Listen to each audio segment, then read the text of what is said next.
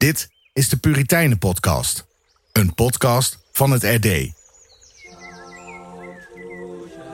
In heel Europa hadden zij hun contacten. Generaties christenen werden door hen beïnvloed. De Puritijnen. Wie waren deze Engelse en Schotse protestanten? Steven Middelkoop en Albert-Jan Rechterschot gaan met de Puritijnen op reis door Europa. Gemeenschap met God. Wat is dat eigenlijk? Daarover gaan we in deze podcastaflevering in gesprek met dominee M. Klaassen, predikant in Arnhemuiden en kenner van John Owen, over wie we het in deze podcast gaan hebben. In een lezing zei hij ooit over gemeenschap met God dat John Owen dat het wezen noemt van de evangelische theologie. En in diezelfde lezing noemde hij Owen een voluit katholiek gereformeerd theoloog die wilde staan in de brede traditie van de kerk. En wat denkkracht en breedheid betreft, vergeleek hij de Engelse John Owen met de hervormer Johannes Calvijn. Owen maakte dus indruk op dominee Klaassen. Dominee Klaassen dient momenteel in de hervormde gemeente van Arnhemuiden en enkele jaren geleden promoveerde hij op een proefschrift dat de titel droeg In Christus rechtvaardig, reformatorische perspectieven op de rechtvaardiging en eenheid met Christus. Hij verdiepte zich daarbij onder andere in de rechtvaardigingsleer bij Luther, Calvijn, Melanchthon en John Owen. Daarbij speelt de gemeenschap met God in Christus een belangrijke rol. Ja, Dominic Klaassen, heel fijn dat u uh, bij ons in deze podcast uh, wilt komen. De concentratie op Christus, hè, dat, dat is opvallend bij Owen in um, een lezing. We, we, refereerden net al aan een lezing. Uh, u refereerde in een lezing ook aan een boek van Owen dat u raakte. Want Owen heeft vlak voor zijn dood, zei u, een boek geschreven met meditaties over de heerlijkheid van Christus. En u zei dat u dat het mooiste en het rijkste vindt dat uh, door Owen geschreven is. Uh, Christus was werkelijk zijn leven. Waarom maakte dat boek zo'n indruk op u? Omdat hij vanuit heel de Bijbel, zowel Oude als Nieuwe Testament, laat zien dat Christus daar het uh, stralende middelpunt van is. En dat, um, dat ze weerslag moet vinden op het geloofsleven van de gelovigen. En ik vond het heel indrukwekkend om te zien hoe hij uh, door heel de schrift heen laat zien dat het daarin om Christus draait. En uh, vervolgens dat het doortrekt en toespitst naar het uh, ja, geloofsleven van de gelovigen het is een heel gerijpt boek. Het is, het is boek uh, wat hij geschreven heeft aan het eind van zijn leven. En um, ja, je komt daarin een heel diep verlangen in tegen naar meer kennis van Christus. Persoonlijk. Vond ik altijd ontroerend um, dat op de dag dat dat boek uh, verschijnt, dat het ook zijn sterfdag is. En dat hij dan ook zegt van, ja, ik ben blij dat dit boek verschijnt. Maar vandaag is de dag aangebroken dat ik die heerlijkheid van Christus op een veel heerlijke manier zal aanschouwen dan ik ooit hier op aarde heb kunnen doen. Ja, want uh, het, het maakte dus uh, diepe indruk op u, uh, John Owens boek en zijn spreken over Christus. Uh, u bent ook gepromoveerd op het gedachtegoed en de leer die Owen uitdroeg. Ehm, kunt u er iets over vertellen hoe John Owen op uw pad kwam en wat hij voor u ging betekenen? Ja, dan moet ik even terug naar mijn studietijd in, in Utrecht zo rond 2005. Ik was studentassistent bij eh, professor Van Oort, Augustinus kenner. Um, ik heb ook mijn afstudeerscriptie geschreven over Augustinus. En um, ik was toen al gepakt en geraakt door het puritanisme. Uh, ik heb in mijn studietijd ook veel puritijnen gelezen. Dus ik wilde heel graag iets doen met die, ja, die link uh, Augustinus-puritanisme. En toen kwam ik uit bij John Owen, deel 3 van zijn verzamelde werken. Dat is een heel dik boek over de Heilige Geest, een pneumatologie eigenlijk. En um, het verrassende is dat hij daar een heel hoofdstuk heeft gewijd aan Augustinus. Aan de bekering van Augustinus, zoals Augustinus die beschreven heeft in zijn beleidenissen. En hij gebruikt dat als een soort ja, model, paradigma zou je kunnen zeggen, voor hoe de Heilige Geest werkt in uh, mensenlevens. En um, nou, dat heb ik geanalyseerd, daar heb ik dus een scriptie over geschreven. En um, toen ik een paar jaar later in de pastorie terecht was gekomen en uh, begon met een proefschrift um, over, over het thema gemeenschap met Christus. ja, wilde ik ook heel graag kijken hoe, hoe, hoe zit dat bij de Puritijnen. ik heb, ik heb eerst bij Luther en Calvijn ben ik te raden gegaan. En vervolgens wilde ik heel graag een Puritijn kiezen. Dus kwam ik weer bij Owen uit, omdat hij heel veel over het thema gemeenschap met Christus, rechtvaardiging en heiliging als vruchten van de gemeenschap met Christus geschreven heeft. En ja, op die manier kon ik de lijn weer even, de draad weer even oppakken waar ik gebleven was. En uh, ja, heb ik nog wat grondiger me in Owen verdiept. Dus het is een theoloog wel die, uh, ja, die echt meegegaan is in mijn leven. En nog steeds. Als ik uh, voor mijn boekenkast sta en een puritein mag kiezen. En ik zie die lange rij met witte Owen boeken staan. Ik moet eerlijk zeggen dat ik daar ook wel wat voor terugschrik soms. Het valt niet mee om Owen te lezen bij de haard. Het is best stevige theologie. Toch geniet u ervan? Ja, maar ik ben het helemaal met je eens dat Owen geen uh, makkelijke, uh, toegankelijke theoloog is. Dat wist hij zelf ook heel goed. Ik geloof dat eens een keer gezegd heeft: hij schrijft Engels zoals hij Latijn schrijft. Lange zinnen met veel bijzinnen. Dus het, het, het vergt heel veel uh, concentratie om Owen goed te lezen. Dat moet je inderdaad niet s'avonds om tien uur bij de haar doen. Ik doe dat meestal s morgens. En dan inderdaad gewoon ja, behapbare stukjes. En dan is het goed te doen. En je gaat hem ook wel weer waarderen om die enorme uh, grondigheid van hem. En wat heel mooi is, ja, voor de, voor de mensen die luisteren, hè, uh, als, als u Engels beheerst. Uh, de Banner of Truth heeft een, een aantal van die grote, dikke volumes van, van Owen ja, in, in vereenvoudigde vorm uitgegeven. Min of meer een samenvatting. Wel een hele grondige, gedegen samenvatting. Die heel goed de hoofdlijnen van zijn, ja, van zijn structuur, van zijn denken weergeeft. En die zijn echt heel goed te lezen. Er zijn er ook een aantal van in het Nederlands vertaald. En ik hoop eigenlijk dat er nog meer vertaald wordt in de toekomst, bij de Banier misschien. Maar dat, dat zorgt ervoor dat ook vandaag Owen best, uh, best goed te lezen is. En bijvoorbeeld zijn hoofdwerk uh, Communion with God, Gemeenschap met God. En ook zijn boek over de strijd tegen de zonde. Nou, daar, daar is bij Crossway uh, een hele mooie uitgave van verschenen met geannoteerd, dus met voetnoten waarbij lastige zinnen toegelicht worden. En heel recent heeft professor Baars die, die, eh, die, die geschriften eh, over de strijd tegen de zonde eh, heel mooi in het Nederlands vertaald en bewerkt. Dus ja, voor wie, voor wie wil, is Owen zeker toegankelijk. Het smaakt naar meer. Ehm, als het gaat om Owen, u zei het al, dan staat de gemeenschap met God in Christus centraal. En ehm, u bent theoloog, u hebt zich jarenlang verdiept in de groten eigenlijk wel uit uh, onze traditie.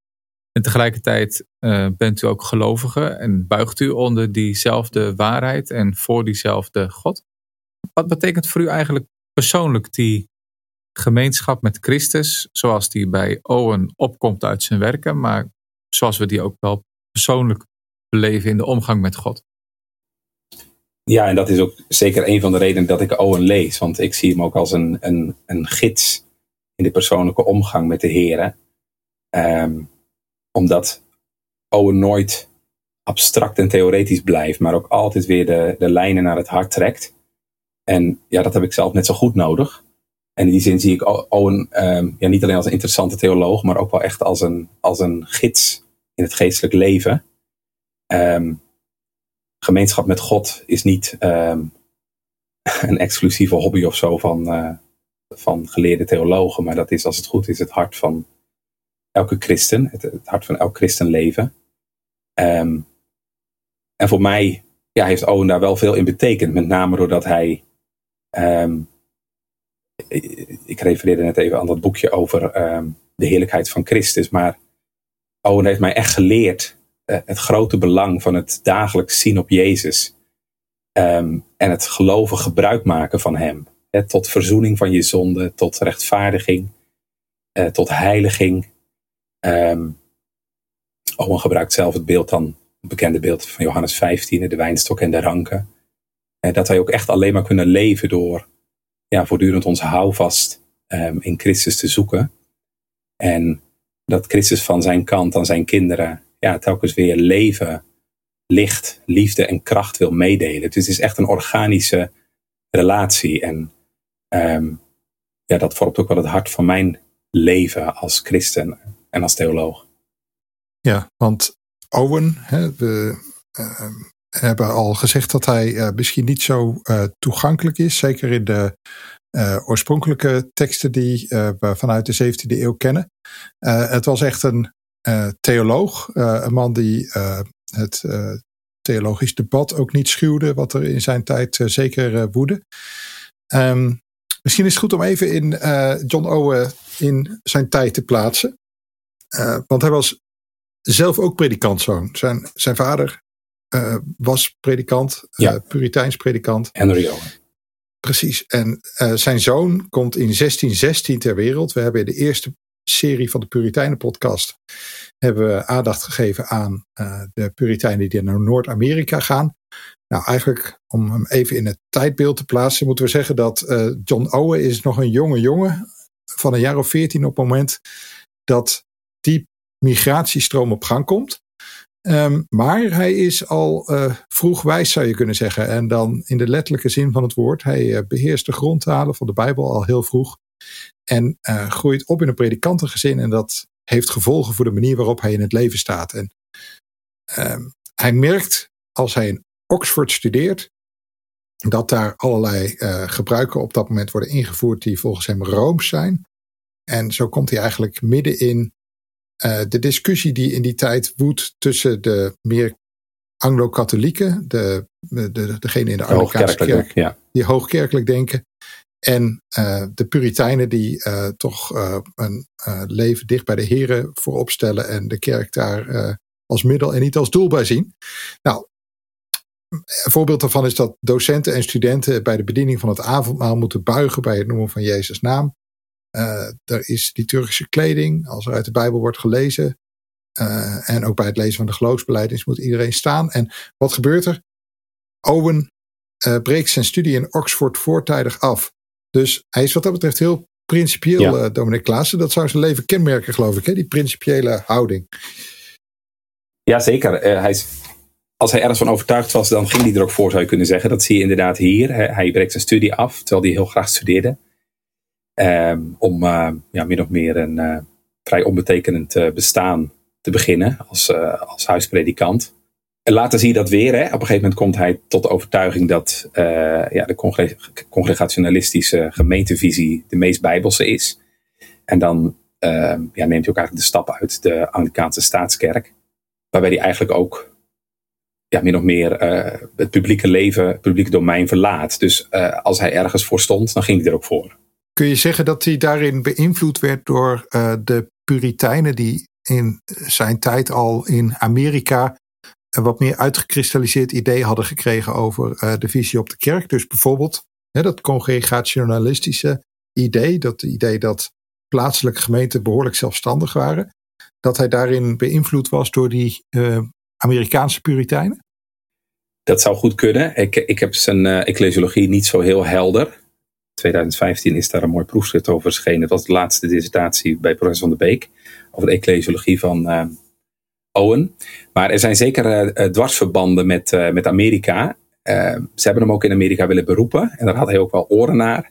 Heeft hij uiteindelijk toch niet, niet gedaan. Maar hoe hij precies zijn congregationalistische ideeën heeft opgelopen daar heb ik niet zo'n zicht op.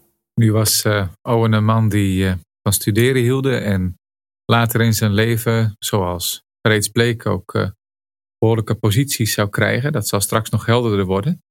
maar het wil niet zeggen dat Owen ook op jonge leeftijd al heel veel duidelijkheid had als het ging om de geloofszekerheid. Hij miste eigenlijk de zekerheid of hij een kind van God was. En zo gebeurde dat hij op een bepaald moment een bijzondere prediker wil horen in uh, Londen.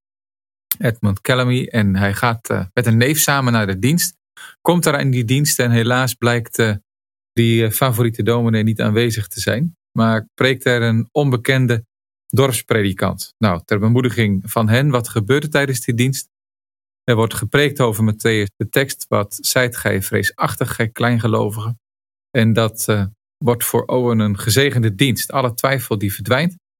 Hij wist zich vanaf dat moment geborgen in Christus. En ja, die, um, dat zwak voor um, de eenvoudige predikers die tegelijkertijd een diep inzicht hadden in uh, de dingen, dat lijkt Owen bij te zijn gebleven. Want later zou hij bijvoorbeeld ook respect hebben voor een man als um, John Bunyan.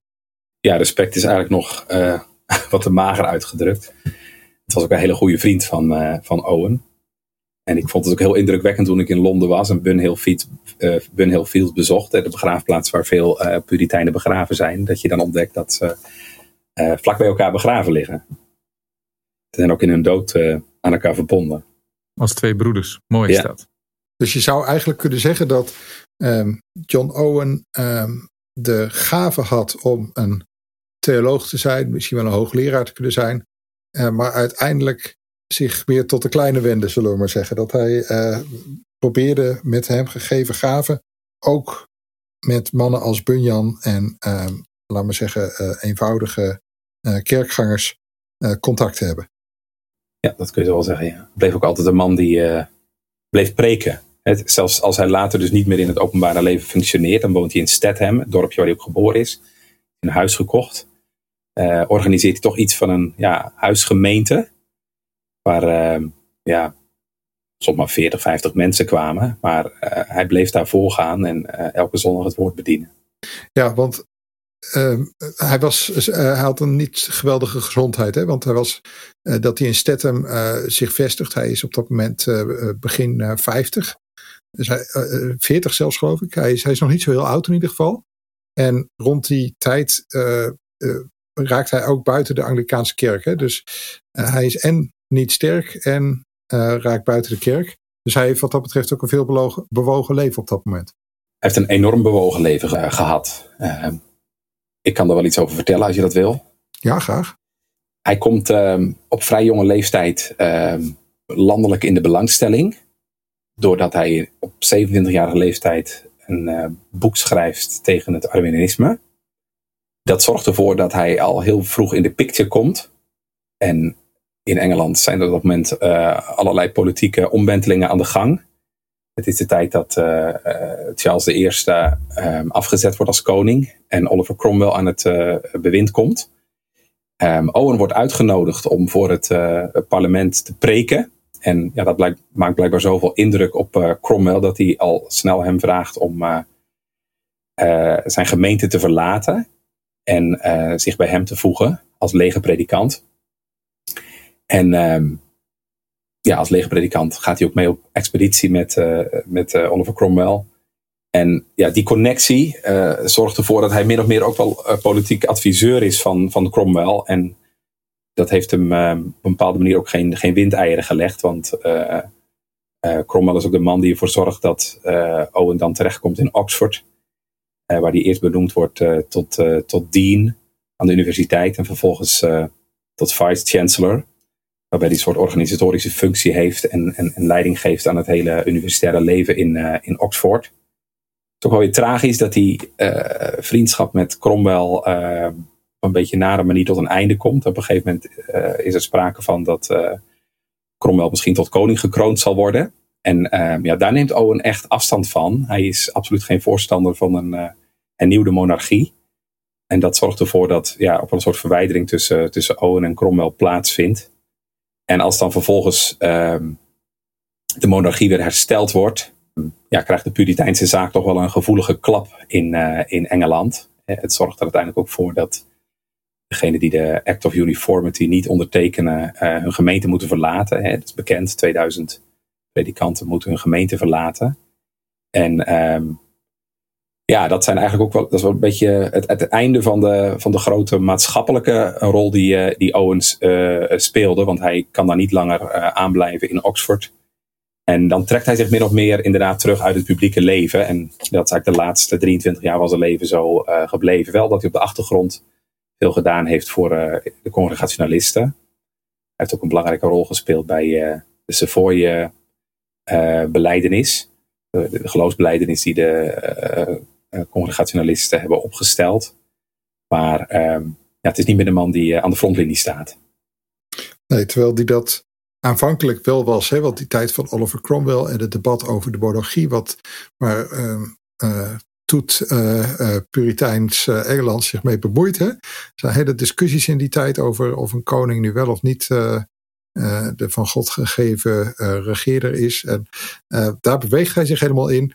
Maar um, ja, op het moment dat de panelen uh, verschuiven, dan gaat hij eigenlijk uh, wat terug naar de achtergrond. En Ehm, ja, wat dat betreft, uh, dat we dit weten, dat is al bijzonder. Uh, want Steven van Owen is niet veel bekend, hè? Nee, er hebben weinig brieven van hem de geschiedenis overleefd. Dat is heel anders bij een man als Calvijn of, of Luther, waar het nodig ook van eigen briefwisselingen boven water is te komen. Ehm, nou, inmiddels is al eens een redelijk beeld, denk ik, ontstaan van wie um, Owen was um, en wat hem uh, bezig hield. Um, Dominic u bent jarenlang met zijn theologie bezig geweest. Wat, als u nou afdaalt tot wat dreef deze man nu werkelijk, wat zou u dan willen doen? Ja, dat is een mooie vraag. En uh, ik, ik, laat gewoon Owen zelf aan het woord.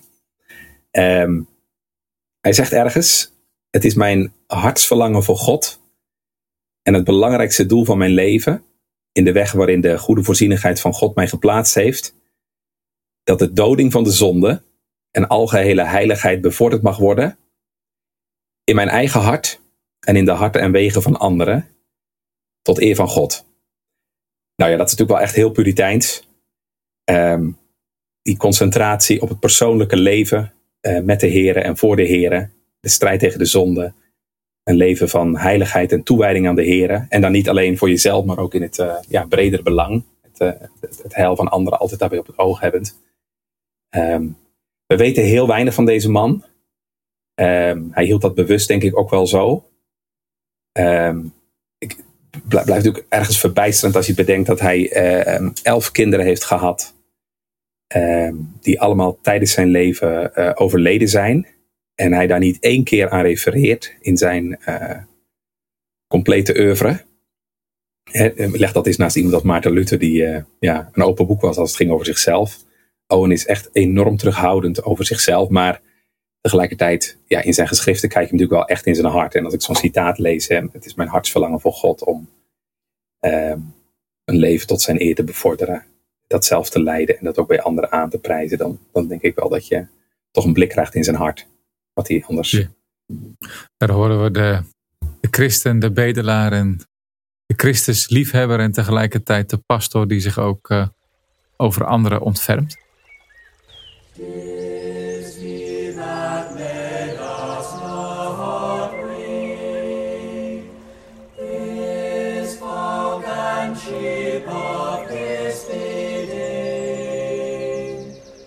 Volgens uh, Dr. P. Vries staat John Owen bekend als de theoloog van de Heilige Geest. De Vries zegt dat Owen zich ervan bewust was dat hij uitgebreider dan wie ook voor hem over de Heilige Geest heeft geschreven. Maar dat betekende niet dat Owen het werk van de Geest belangrijker achtte dan het werk van Christus. Dat vormde voor hem een eenheid. En uh, de Vries zegt Owen keerde zich zowel tegen het spreken over de Heilige Geest zonder Christus als tegen het spreken over Christus zonder de Heilige Geest. Volgens Owen werkt de Heilige Geest het geestelijk leven. En uh, dokter Klaassen uh, wordt wel gezegd dat de inhoud van het geestelijk leven de gemeenschap met Christus is. Uh, herkent u dat als u eh, kijkt naar het werk van Owen? Um, laat ik even terug aan het begin van je vraag. Owen is wel genoemd de theoloog van de Heilige Geest. Um, ik vind dat uh, een beetje te eenzijdig om hem zo te karakteriseren. Ik zou veel meer uh, Owen willen benadrukken als een uh, trinitarisch denkend theoloog, die echt denkt vanuit de drie-enige God. Waarbij natuurlijk de Heilige Geest een hele belangrijke rol speelt. Hij schreef, zoals ik al zei, een, een, een pneumatologie, een, een, boek over de leer van de Heilige Geest. maar ik zou hem eerder willen karakteriseren als een trinitarisch theoloog, waarbij dan de, inderdaad de focus ligt op de gemeenschap met Christus, want wij kennen God alleen maar door en in Christus. En dan heb je inderdaad wel ja, een slagader in zijn theologie te pakken. De gemeenschap met Christus. Um, het boek Communion with God um, besteedt daar een belangrijk uh, deel aan. Maar ook het boek hè, over de, het zien op de heerlijkheid van Christus ja, is een en al Christus devotie. Dus ja, een kleine correctie. Uh, theoloog die veel aandacht heeft voor de Heilige Geest, maar ik zou hem nog eerder karakteriseren als een echt een trinitarisch theoloog. Vandaar dat hij in zijn boek Gemeenschap met God ook echt heel nadrukkelijk aandacht vraagt voor de Vader, de Zoon en de Heilige Geest. Waarbij wel Christus in het middelpunt staat. Ja, mooi dat u dat noemt. Want inderdaad, in het boek Gemeenschap met God zie je die um, drie facetten aan bod komen. Terwijl in het bredere werk andere dingen ook de aandacht vragen. Voor een gemiddelde luisteraar kan wel de vraag ontstaan: gemeenschap met God, communion with God. Waar moet ik dan aan denken? Um, voor de mensen die wat minder vertrouwd zijn met um, het woord gemeenschap hebben met, in de zin van omgang met God. Hoe zou u dat willen duiden? Wat, wat is dat? Hoe gaat dat? Bij gemeenschap met God hebben we het over het, het wonder van de uh, omgang tussen God en mens. Als een omgang tussen twee personen. Het is zeg maar de wederkerige relatie tussen God en mens. Wat natuurlijk een heel groot wonder is, want God is God en wij zijn mens. Uh, God is heilig, wij zijn zondig. Maar het, het mooie bij, bij John Owen is dat hij heel veel aandacht besteedt aan dat woordje wederkerig. Hij zegt, ik citeer hem nu even zelf, uh, God deelt zichzelf mee aan ons.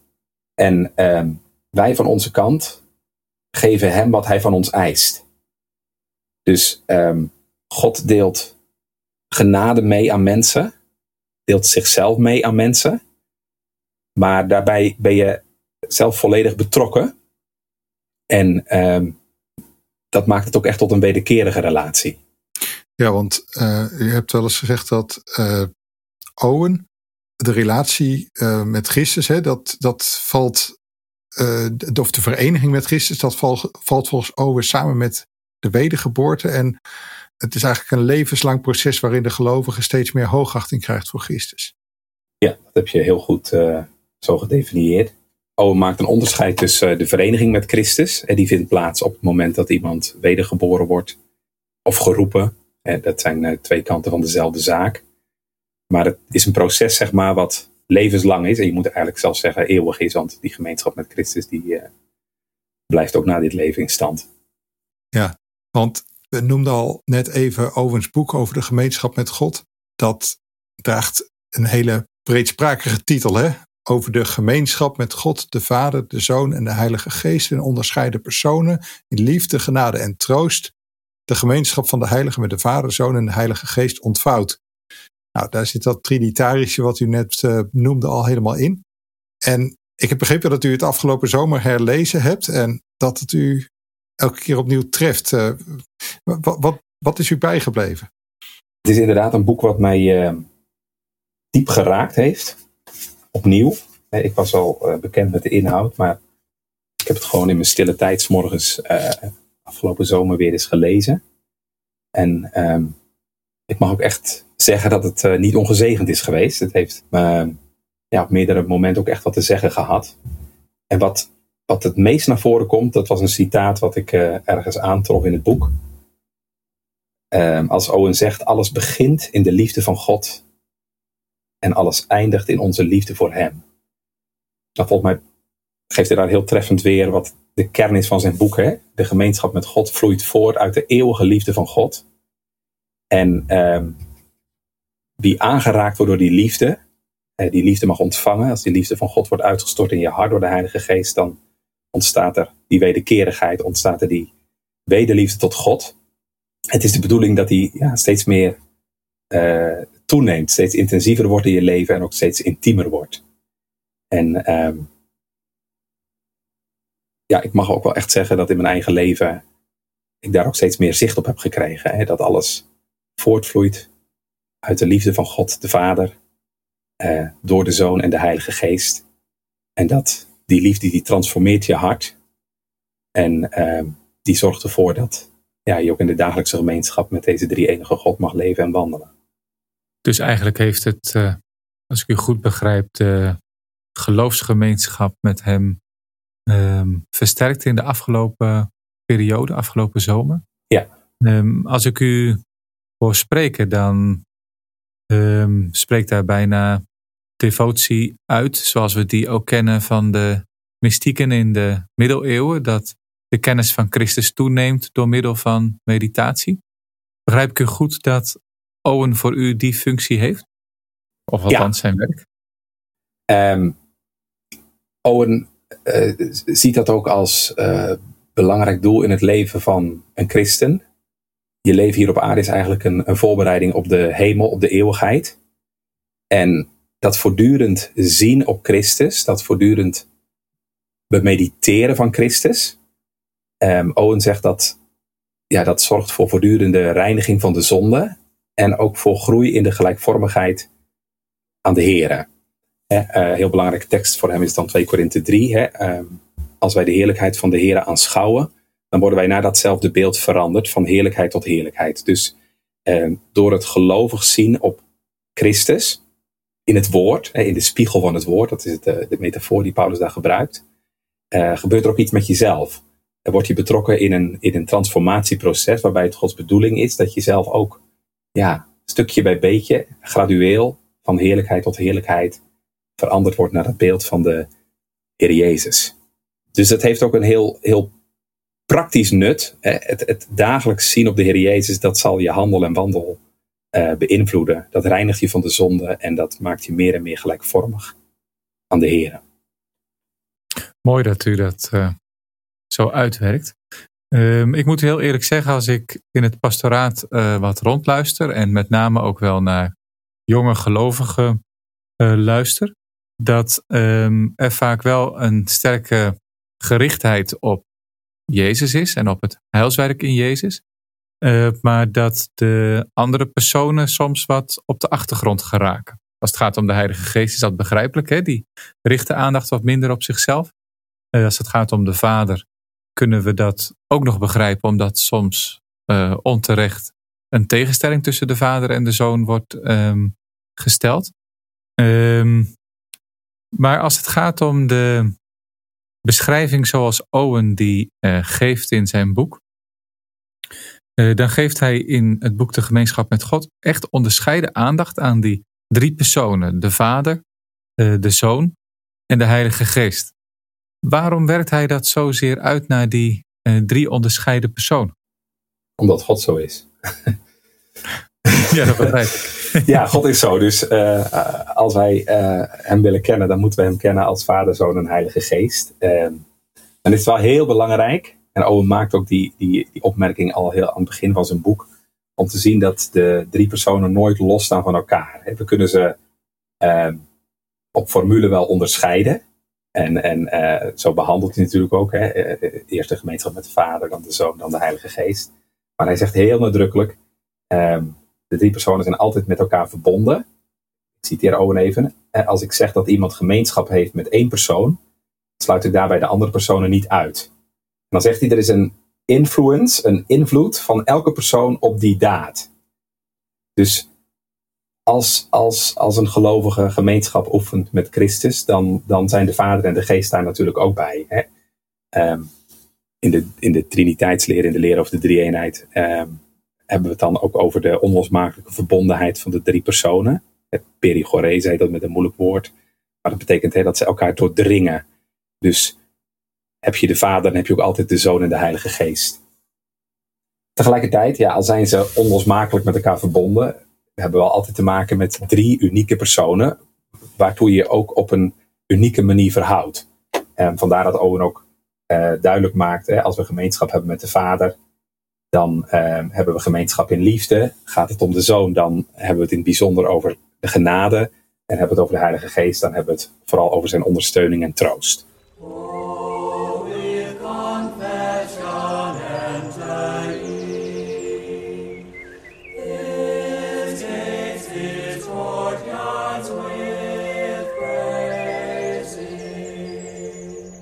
Ja, Dominic Klaassen, gemeenschap, dat bestaat volgens Owen uit geven en ontvangen. Wat bedoelt hij er eigenlijk mee? Dat is een mooie uitdrukking van die uh, wederkerigheid waar we het al over hebben gehad in de gemeenschap met God. En God deelt van zijn kant genade, kracht, ondersteuning, troost en liefde mee aan de gelovigen. Maar dat is een verbondsrelatie en in elk verbond zijn twee delen begrepen. En dat geldt ook hiervoor. Uh, dus de gelovigen mogen ook van hun kant uh, ja, die genade van God beantwoorden. Um, hoe doe je dat dan? Um, nou, Owen noemt dan in zijn boek uh, Gemeenschap met God uh, geloof, liefde, vertrouwen, vreugde. Dat zijn allemaal middelen waardoor de ziel gemeenschap heeft met de Heer. dus wij van onze kant door ja, ons vertrouwen op de Heer te vestigen, Hem lief te hebben, um, vreugde in hem te zoeken, en je dagelijks in de Heer te verblijden, ja, beantwoord je van jouw kant die, uh, die gemeenschapsband uh, met de Heer. Dat is dat geven en ontvangen. Als we kijken naar het boek De Gemeenschap met God, wat u afgelopen zomer las, dan zien we daar hoe Owen het, de omgang met God um, uitwerkt richting de verschillende personen. En als het dan gaat om de vader, zegt hij: De liefde van de vader is een liefde van milddadigheid. Onze liefde voor hem is een liefde van plichtsbetrachting. Wat uh, valt u op als u dat gedeelte over de omgang met de vader uh, weer in gedachten terugroept? Um, die concentratie die je noemt op de liefde van God, ik heb u lief gehad met een eeuwige liefde. De vader heeft zijn kinderen lief met een onveranderlijke, eeuwige en onvoorwaardelijke liefde. Uh, Owen zegt daarover, uh, voor de heiligen, voor de gelovigen moet duidelijk zijn dat de Heer vol liefde voor hen is. Um, en ik vond het heel indrukwekkend om te lezen hoe hij je daarvan wil overtuigen. En hoe hij Gods kinderen daarvan wil doordringen. Van dat de Heer vol liefde is tot zijn kinderen. En hij had dan die bekende tekst uit Sefania aan. Hè? Uh, hij zwijgt over hen in zijn liefde. Hij is tevreden met hen. In Christus is de Vader tevreden met zijn kinderen, ondanks al hun tekortkomingen en zonden. Want hij heeft zijn kinderen lief in Christus. En dan valt weer die hele sterke christocentrische concentratie bij Owen op. Hè? Van, uh, de liefde van God is niet, die, is niet direct en onbemiddeld, maar die liefde die komt altijd tot ons door Christus. Hij gebruikt dan het beeld van de, van de hoge priester hè, in Israël die gezalfd werd met olie. En die olie drupte neer als het ware op zijn kleed. En hij zegt zoals ook met Christus. Uh, de liefde van de Vader valt eerst op Christus en van Christus op ons. Hij zegt dan zelfs, hè, er valt geen druppel van Gods liefde op ons dan door Christus. Ja, ik vond dat heel uh, ontroerend en ook, ook pastoraal. Want hij wil ons ervan overtuigen hoe belangrijk het is dat je als gelovige die liefde van God ook aanvaardt. Hij gebruikt ook echt dat woord. Hè? Uh, je moet die liefde aanvaarden door het geloof. Omdat de Heer dat zegt en belooft in zijn woord. En, en uh, ja, God is zoals hij zegt in zijn woord. En als je dat nou echt mag geloven en mag toe-eigenen, dan, dan, dan is het ook mogelijk om uh, ja, die liefde van God te aanvaarden en, en te beantwoorden en hem vervolgens uh, je dankbaarheid en je liefde te bewijzen. Hij zegt voor een gelovige gaat het er dus om dat je je verheugt in de liefde van de Vader en in de zekerheid van die liefde. Waarbij hij dan opmerkt, wie in Gods vaderliefde vertoeft, ja, voor zo iemand is alles kalm en vredig. Dus als je daar echt uit mag leven, wat er dan ook gebeurt in je leven, wat voor dingen je ook meemaakt, welke stormen je ook moet doorstaan, uh, je mag weten dat je verankerd bent in de eeuwige liefde van God. Ja. We hebben het nu over hoe het bij Owen uh, met de uh, drie goddelijke personen um, gaat in de geloofsomgang. Hoe is dat voor wat betreft Owen spreken over de gemeenschap met Christus, met Gods Zoon? Ja, dan gebruikt hij een um, ander kernwoord uit de Bijbel. He, gaat het bij de Vader vooral om de liefde waarin we mogen delen. Bij de Zoon gaat het ehm, om de genade waarin we mogen delen. Je zou kunnen zeggen, de Heer Jezus is het kanaal waardoor Gods genade tot ons komt. Wij mogen die genade van Hem ontvangen. Hij gebruikt dan het beeld van het huwelijk. Um, Owen leunt in zijn boek uh, Gemeenschap met God ook erg op het hooglied, hè, waarbij de relatie tussen God en de gelovigen hè, vergeleken wordt uh, met de relatie tussen man en vrouw. Christus zorgt als een man voor zijn vrouw en hij heeft een uh, geweldige schat aan genade en uh, daar laat hij zijn kinderen in delen. Um, als het gaat om die genade, is wel belangrijk dat Owen dan een, een, een, onderscheid maakt. Een onderscheid tussen wat hij noemt verworven genade en persoonlijke genade. Wij hebben dus deel aan Christus genade, zowel de persoonlijke genade als de verworven genade. Wat moet je daarbij voorstellen? Nou, persoonlijke genade, dat, dat slaat op de genade van de persoon van Christus, het, het kennen van de persoon van Christus. Hij is een um, unieke zaligmaker. In hem zijn de goddelijke en de menselijke natuur verenigd. En um, het is belangrijk dat wij Christus als God en mens bewonderen en, en vereren. En ons in hem uh, verheugen in wie hij is, in zijn persoon. Ik heb even een mooi citaat. Uh, dat gaat dan over de tekst, al wat aan hem is, is gans begeerlijk. En zo gaat het echt over de persoon van Christus. Uh, en dan zegt Owen, hè, hij is gans begeerlijk in zijn persoon, in zijn goddelijkheid, in zijn menselijkheid. En dat werkt hij dan helemaal uit. Hij is begeerlijk in zijn geboorte en vleeswording. Hij is begeerlijk in zijn hele leven, waarin hij um, ja, voor ons Gods wet heeft vervuld. En hij is vooral begeerlijk natuurlijk, zegt hij, in zijn lijden en sterven, want daarin heeft hij uh, zijn liefde voor zijn kerk betoond. Um, hij is begeerlijk zoals hij nu gezeten is aan de rechterhand van de Vader, waar hij leeft als hoge priester om voor ons te bidden. Um, hij is begeerlijk in zijn zorg, in zijn macht, waarmee hij ons beschermt.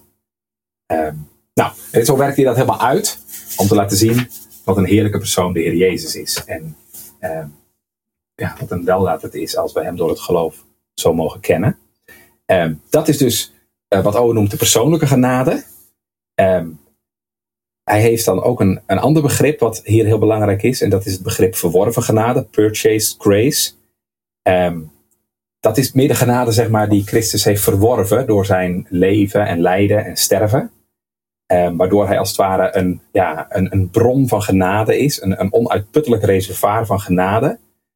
Uh, waarin de gelovigen mogen delen.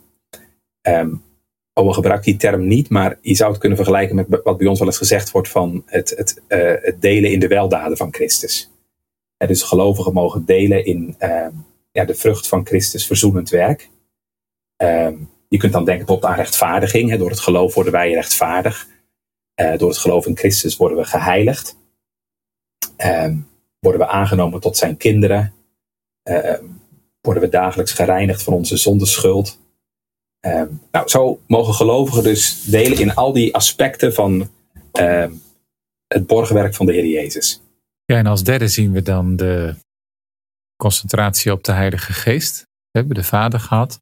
U heeft uh, de rijkdom die in de Zoon te vinden is, uh, volgens Owen uitgewerkt, mede ook naar aanleiding van het Hooglied. En dan tenslotte de Heilige Geest, waar hij onder andere twee functies noemt: die van de heiliging en die van de troost die de Heilige Geest uh, geeft en toepast aan um, gelovigen. Wat valt u op als het gaat om de behandeling van de Heilige Geest door Owen? Wat mij opvalt is dat hij dat ook weer heel uh, persoonlijk maakt en ook heel pastoraal uitwerkt. De Geest is de trooster. En Christus heeft beloofd dat hij um, in ons woont en ook altijd bij ons zal blijven. En ja, als trooster is het zijn taak om uh, alle schatten van het genadeverbond, dus zeg maar al die verworven genade waar ik het net over had, van de Heer Jezus, hè, om die persoonlijk in je leven te brengen en ervoor, ervoor te zorgen dat je daar persoonlijk uh, deel aan krijgt, hè, om ze je deelachtig te maken. Hij werkt dat vervolgens uit. Wat is dan de taak van de geest in het leven van gelovigen? Nou, bijvoorbeeld Jezus zegt, hij zal u in alle waarheid leiden. Dus wat de Heilige Geest voortdurend doet, is Gods kinderen telkens weer bepalen en indachtig maken wat Christus gezegd heeft. Owen zegt hij brengt ons Gods belofte onder de aandacht. Zodat we ja, ons houvast mogen vinden in die belofte en daar ook de kracht uit mogen putten. Maar de geest doet nog veel meer. Hè? Uh, hij stort de liefde van God uit in je hart. Hij zorgt voor zekerheid in het geloof. Een heel aangelegen thema voor de Puritijnen natuurlijk. Hè? De, de persoonlijke geloofszekerheid, waar Owen zelf ook zo mee geworsteld heeft.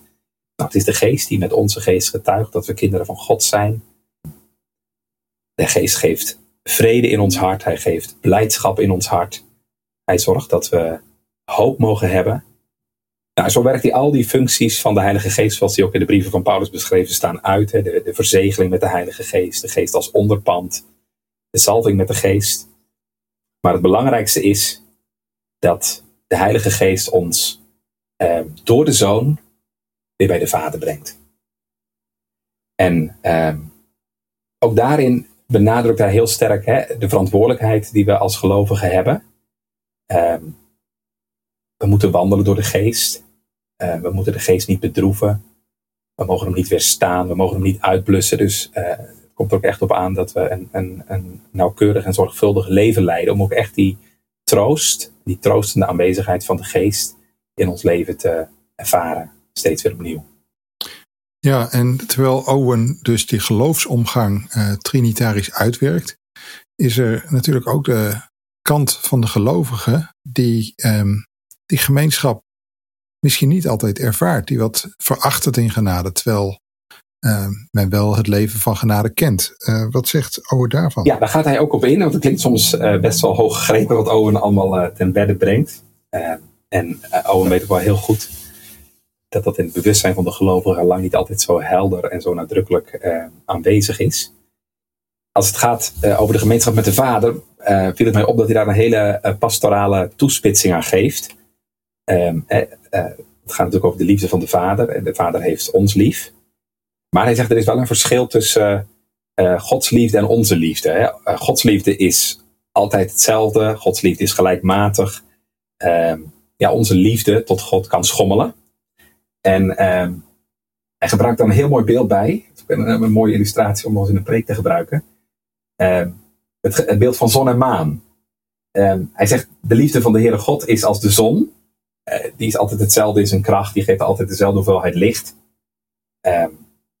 Hoewel die soms natuurlijk soms ook wel eens schuil kan gaan achter de wolken. Hij zegt, onze liefde lijkt op de maan. De maan is soms vol en soms ja, niet meer dan een flauwe sikkel. En zo, ja, kent ook het geloofsleven in eb en vloed, zeg maar. Waardoor onze liefde tot de Vader niet altijd dezelfde is. En Ten dele kan dat soms komen door jezelf. Hè? Eh, als je slordig omgaat met de genademiddelen, als je slordig omgaat met, uh, met het gebed en de beoefening van de gemeenschap met God, dan zal de ervaring van Gods liefde ook minder kunnen zijn. Gelovigen kunnen ook in zonde vallen en daar soms een poos in blijven liggen, hè, waardoor ja, eh, de ervaring van de gemeenschap met God bijna niet aanwezig kan zijn. En wijst Owen er ook op, en dat vind ik ook wel heel pastoraal. soms ligt de oorzaak niet bij jezelf, maar ja, wijt hij dat aan de soevereiniteit van God. Hè? God kan soms ook zijn wijze bedoelingen hebben om zijn aangezicht um, een poos voor zijn kinderen te verbergen. Om uh, een wijze reden die wij lang niet altijd kennen. Um, en dat is natuurlijk heel verschrikkelijk. Dat is heel aangrijpend. Als je dat meemaakt. Hè, de Dordtse leerregels zeggen. Verberging van Gods aangezicht is bitterder dan de dood. Maar dat kan juist ook wel weer een middel zijn om des te intensiever hè, de, de gemeenschap met God te zoeken en die te vernieuwen en een, een nog nauwer en afhankelijker leven met de Heer te krijgen.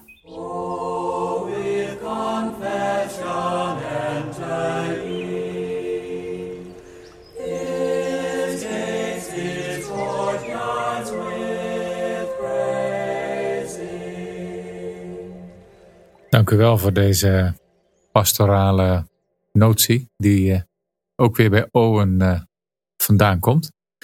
Uh, nu is Owen uh, de theoloog die ons inzicht geeft in de rijkdom van de drie-eenheid. Uh, tegelijkertijd vanuit ehm, het perspectief van de wetenschap is, ook, is Owen ook een theoloog die door velen onderzocht is en waar op allerlei manieren studie naar gedaan is. Dat mag ook wel met zo'n breed uh, oeuvre. Um, hoe is de positie van John Owen op dit moment in de wereldkerk en wellicht ook wel in de wetenschap? Um, Owen is een theoloog die uh, momenteel uh, behoorlijk in de belangstelling staat. Nog maar een paar jaar geleden, in 2016, uh, ehm, werd zijn 400ste geboortedag eh, vrij groots gevierd. Herinner me dat er in Apeldoorn een internationale conferentie was, waarbij verschillende sprekers uit de wereld aspecten van Owens werk hebben belicht. Er zijn de laatste nou, laten we zeggen, 25 jaar uh, een aantal hele belangrijke studies over Owen verschenen, zowel in het Engelse taalgebied als ook in Nederland. Je refereerde al naar het proefschrift van Dr. Peter Vries, die ruim 20 jaar geleden in Apeldoorn op Owen gepromoveerd is. En later heeft ook Hans Burger uit Kampen aandacht aan Owen besteed zijn proefschrift Dominee de Koeier in zijn boek over de geestelijke strijd bij de Puritijnen. Zelf heb ik ook een, eh, een hoofdstuk aan Owen gewijd in mijn uh, proefschrift. In 2015, uh, eh, dat was de allerlaatste promotie van uh, professor Bram van der Beek in Amsterdam, werd afgesloten met een proefschrift over Owen. Ik weet zelf niet wat Van der Beek van Owen nou precies vindt, maar uh, dat ging met name over de kerkleren van Owen. Ik denk dat die wel heel ver uit elkaar staan, die twee. Maar goed, denk ik ook, ja. het geeft wel even aan uh, ja, dat het een theoloog is die volop in de belangstelling staat. En dat, dat vind ik best wel bijzonder, want er is een tijd geweest dat uh, nauwelijks aandacht was voor Owen. ik vind het altijd grappig om te lezen. Jim Packer, hè, de, de, vorig jaar overleden Anglikaanse theoloog, vertelt hoe hij net na de oorlog, toen hij in Oxford studeerde, ergens in een stoffige kelder onder in de bibliotheek in Oxford de verzamelde werken van Owen vond, totaal niet kende. En daarin ging lezen en daar echt een medicijn in vond in zijn eigen geestelijke worsteling en dat is eigenlijk ja, wel een beetje het begin geweest van de herontdekking van, van Owen. En mensen als, als Packer en, en, en ook Lloyd Jones gingen aandacht voor hem vragen. De Banner of Truth, uitgever in, in Schotland, ging zijn werken weer uitgeven. En ehm, ja, dat zorgde ervoor dat zijn boeken ja, wereldwijd weer in de, in de belangstelling staan. Ik vond het heel leuk. een paar maanden geleden heeft de Banner of Truth een speciale uitgave verzorgd met, ik geloof, tien kleine deeltjes van Owen. De belangrijkste werken in een mooie, mooie uitgave, in een box, in een cassette. Echt bedoeld voor een breed lezerspubliek. Um, en dat vind ik ook het mooie van Owen. Van, eh, het is een theoloog die dus uh, erg in de belangstelling staat binnen de academische theologische wereld. Maar net zo goed een theoloog die, ja, tussen aanhalingstekens gewone gemeenteleden enorm kan, uh, kan aanspreken. Tegelijkertijd, um, ik zei net, ja, Owen lijkt tij mee te hebben. Tegelijkertijd ook, ook weer niet. Carl Truman, hè, de grote Owen-kenner, schreef een paar jaar geleden: Our culture is against Owen. Uh, Owen heeft onze cultuur heel sterk tegen, zegt hij. Um, en, en, en Truman noemt dan met name ja, het feit dat, uh, dat Owen niet echt een toegankelijke theoloog is. Moeilijke schrijfstijl, lange zinnen. Hij zegt dat past niet echt bij dit uh, Twitter-tijdperk nou ja, dat is inderdaad denk ik ook een, een, een, factor van zorg. Kan een komende generatie Owen nog lezen? Ik hoop het wel en ik hoop dat zo'n ja, uitgaves van de banner pas, waar de belangrijkste werken van Owen op een toegankelijke manier ontsloten worden, ja, er ook zal toe leiden dat mensen Owen blijven lezen. Ja, grappig dat u dat noemt. Ik heb een tijdje dagelijkse tweets gedaan met uh, citaten van uh, onder andere Puriteinen. En inderdaad, die van Owen krijg je gewoon niet goed in, een, in een tweet. Dus het is bevindelijk waar bevonden wat Truman zegt. Ja. Overigens is het een prachtige cassette ja, van Owen. Ik hoop hem ook nog eens in bezit te krijgen. Hij is wel duur. ja. ja, ja. nou, luisteraars aanbevolen. Maar ja, Owen wist dat zelf al wel. Hè? hij wist zelf dat hij niet makkelijk was, niet toegankelijk was. hij schrijft in het voorwoord op een van zijn boeken. Dus dat was dus toen ook al in de 17e eeuw. Hij zegt: uh, Als u bent als zoveel mensen in deze oppervlakkige tijd. en uw boeken leest zoals Cato naar het theater ging. om er weer net zo uit te gaan als die erin kwam. dan hebt u uw genoegen al gehad. Vaarwel. dus uh, hij deed geen moeite om zichzelf te promoten. Hij wist: uh, je moet je ook echt in mij willen verdiepen en de moeite nemen. Maar wie dat doet, ja, die heeft echt goud in handen. Ja, dan zijn we misschien wel gelijk uh, bij uzelf terug, want u hebt zich er zo in verdiept en ontdekt dat u goud in handen had. Um, u bent hem, denk ik, ook wat dat betreft steeds meer gaan waarderen als ik u zo de afgelopen minuten hoor. Ja, ik ben hem ontzettend gaan waarderen. En um, het is mijn grote wens om nog eens de tijd te vinden om nog meer van hem te lezen.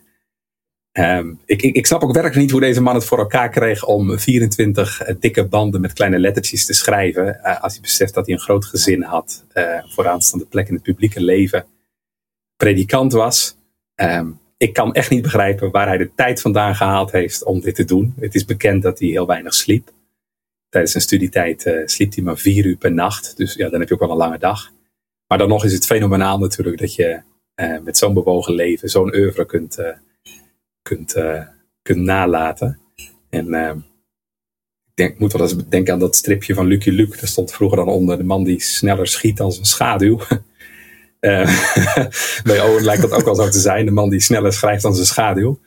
Um, maar ik moet ook heel eerlijk zeggen, kijk, um, als je onderzoek doet naar Owen, um, wij worden natuurlijk in deze digitale tijd wel ontzettend uh, bedient. Doordat je zijn uitgaven ook digitaal hebt. Dus uh, in mijn proefschrift was het ook enorm makkelijk om bijvoorbeeld gewoon met trefwoorden te zoeken. Om in dat enorme oeuvre, ja, je daar al lezen doorheen te ploeteren. Dat is bijna niet te doen. Maar al zijn werken staan op CD-ROM en uh, ja, die kun je dus heel makkelijk ook doorzoeken als je naar een bepaald thema zoekt. Ja, ja, ja, nou, het is best wel een stap van John Owen naar uh, Lucky Luke. Maar uh, wie weet kunnen lezers, uh, luisteraars het meemaken. Ik moest zelf inwendig nog wel even denken. Voor John Owen was het al een hele uitdaging om het op te schrijven. En als zoon van een drukker heb ik ooit nog gezien hoe bewerkelijk het is om uh, handzetten te doen. Hè? Dus het, het lettertje voor lettertje in een soort mal zetten van drukletters. Wat zeker in de tijd van Owen gebeurd moet zijn. En dan denk ik dat John Owen een belangrijke stimulator voor de werkgelegenheid onder drukkers in Engeland is geweest. Ja. Ik denk dat ze not amused waren als hij weer met een nieuw deel aankwam. De ja. negen delen op de Hebreeënbrief bijvoorbeeld. ja, dat moet echt een enorm werk zijn geweest. Nou, um, u leeft al jaren met de Puritijnen, hebben we geconstateerd. En um, we weten uit de vorige podcast dat we de viervoudige staat van uh, Thomas Boston en uh, het uh, boek van Fischer, het merk van het Evangelie en de preken van de Eustkines moeten lezen. Um, wat raadt u nou aan aan de luisteraars als het gaat bijvoorbeeld om Owen? Hè? U zei al even, er zijn wat toegankelijke uitgaven. Kun, kunt u eens wat noemen als we een verlanglijstje zouden moeten opstellen? Wat, wat, wat zou er wat u betreft op aanbevolen zijn? Nou, dan staat met stip op één wel het, uh, het boek waar we het aan het begin ook over gehad hebben. Uh, zijn laatste werk, meditaties over de heerlijkheid van Christus. En laten we nou in Nederland het geluk hebben dat dat boekje ook uh, vertaald is. er is zelfs een paar jaar geleden een vernieuwde herdruk van verschenen bij uitgeverij De Banier, wat die nog steeds verkrijgbaar is. als je met Owen, met Owen wil beginnen, dan zou ik zeggen begin daar, want daar kijk je hem echt in zijn hart. En uh, daar zul je zelf ook echt winst mee doen en door gezegend worden. Dus dat, dat is echt het eerste boek wat ik zou aanraden. Uh, meditaties over de heerlijkheid van Christus. Ja, wat ook heel erg de moeite waard is, is natuurlijk het boek waar het van, vandaag over ging. Het is een boek Gemeenschap met God. En dat is ook vertaald in het Nederlands. Ehm, in die samenvatting van de Banner of Truth. Um, jaren geleden, in 1993, verschenen bij uh, uitgeverij Groen in Leiden. Um, helaas niet meer verkrijgbaar, denk ik wel tweedehands. Uh, dan heet het Gemeenschap met God gewoon. Het zou echt een moeite waard zijn. En misschien dat jullie dat nog eens even onder de aandacht van uh, Even de Bart of zo kunnen brengen. Om dat, uh, nog, eens te om dat nog eens uit te geven. Ik bedoel, de, vertaling ligt er al. Nou, dan hoop ik dat Evert uh, deze hint oppakt. Nou, hij is een trouw luisteraar van de podcast, dus bij deze is het uh, doorgegeven. Dat wat betreft uh, John Owen. Ja, iemand waar ik ook heel veel van hou. ben ik ooit, ooit wel eens over geïnterviewd door het D. Ehm, ik weet niet of je hem echt nog een puritein kunt noemen, maar dat is John Newton. Dan zitten we natuurlijk echt al in de 18e, 19e eeuw. Ehm, het is een late erfgenaam van de Puritijnen, maar ik lees op het moment weer uh, dagelijks uit John Newton. En, Opwekking. Uh, ja, daar, daarin kom ik de geest van de Puritijnen ook helemaal in tegen. Een man met heel veel zelfkennis, godskennis en Christuskennis. Uh, dus ja, alles wat u van Newton kunt krijgen, pak het aan en lees het, want het is meer dan de moeite waard. En doelt u dan op de brieven? De brieven. Ehm, ik lees nu zelf een dagboek van Newton. Dat is gewoon samengesteld uit zijn verzamelde werken. Maar ehm, ja, ik vind ook de, de works van Newton. Ik heb de, de uitgave van de Banner in zes delen. Ja, dat is ook echt goud. Ook ja, voor predikanten, hè, omdat je gewoon heel. Het was een man met enorm veel zelfkennis. En die uh, uh, ja, de duistere hoeken van zijn hart niet verbergt voor zijn lezers. Uh, heel ontmaskerend over zichzelf schrijft. Maar juist omdat hij zoveel zelfkennis had, ook ja, zo rijk leefde uit Gods genade. voor mij is John Newton ook echt een nou, min of meer wel een puritein. Die ik van harte wil aanbevelen. Ja, zonder meer prachtig. En uh, zijn brieven bijvoorbeeld, die zijn ook prima als uh, uh, te gebruiken voor de stille tijd of anderszins. Ja, en ook daarvan genade brengt mij thuis. Een paar jaar geleden een bundeltje bij de Banie verschenen met brieven waarin hij zijn leven beschrijft. Dus ook van Newton is er wel het een en ander in het Nederlands verkrijgbaar. Zo hebben we al twee aanzetten gehad. Ik wijs er ook nog even op dat er een website, een Engelstalige website, is uh, johnowen.org. Uh, die uh, gewijd is aan het leven van John Owen. En daar staat ook de complete bibliografie op. Dus de complete lijst van boeken die Owen liet verschijnen. Met ook links naar wat er online te vinden is. En um, nou, natuurlijk is het eenvoudig om de Nederlandstalige titels bij de boekhandel te krijgen. Goed, dank u wel, Dominic Klaassen, voor uw bijdrage aan deze Puritijnen podcast. Het was weer een mooie ontmoeting. En we hebben iets van de rijkdom van het oeuvre van Owen door uw ogen leren zien. met een concentratie op dat boek De Gemeenschap met God. Dus dank voor uw bijdrage. Heel graag gedaan en ik hoop dat het voor de luisteraars ook tot zegen mag zijn. Dank u wel. Dit was alweer de volgende aflevering van het tweede seizoen van de Puritijnen podcast. De komende tijd reizen we mee met de Puritijnen door Europa. Heb je vragen die we moeten behandelen? Of thema's die je graag aan bod wil zien komen? Of ideeën die je graag in wil brengen? Laat het ons weten via een mail aan puritijnen.rd.nl of kijk op rd.nl slash puritijnen. Bedankt voor het luisteren.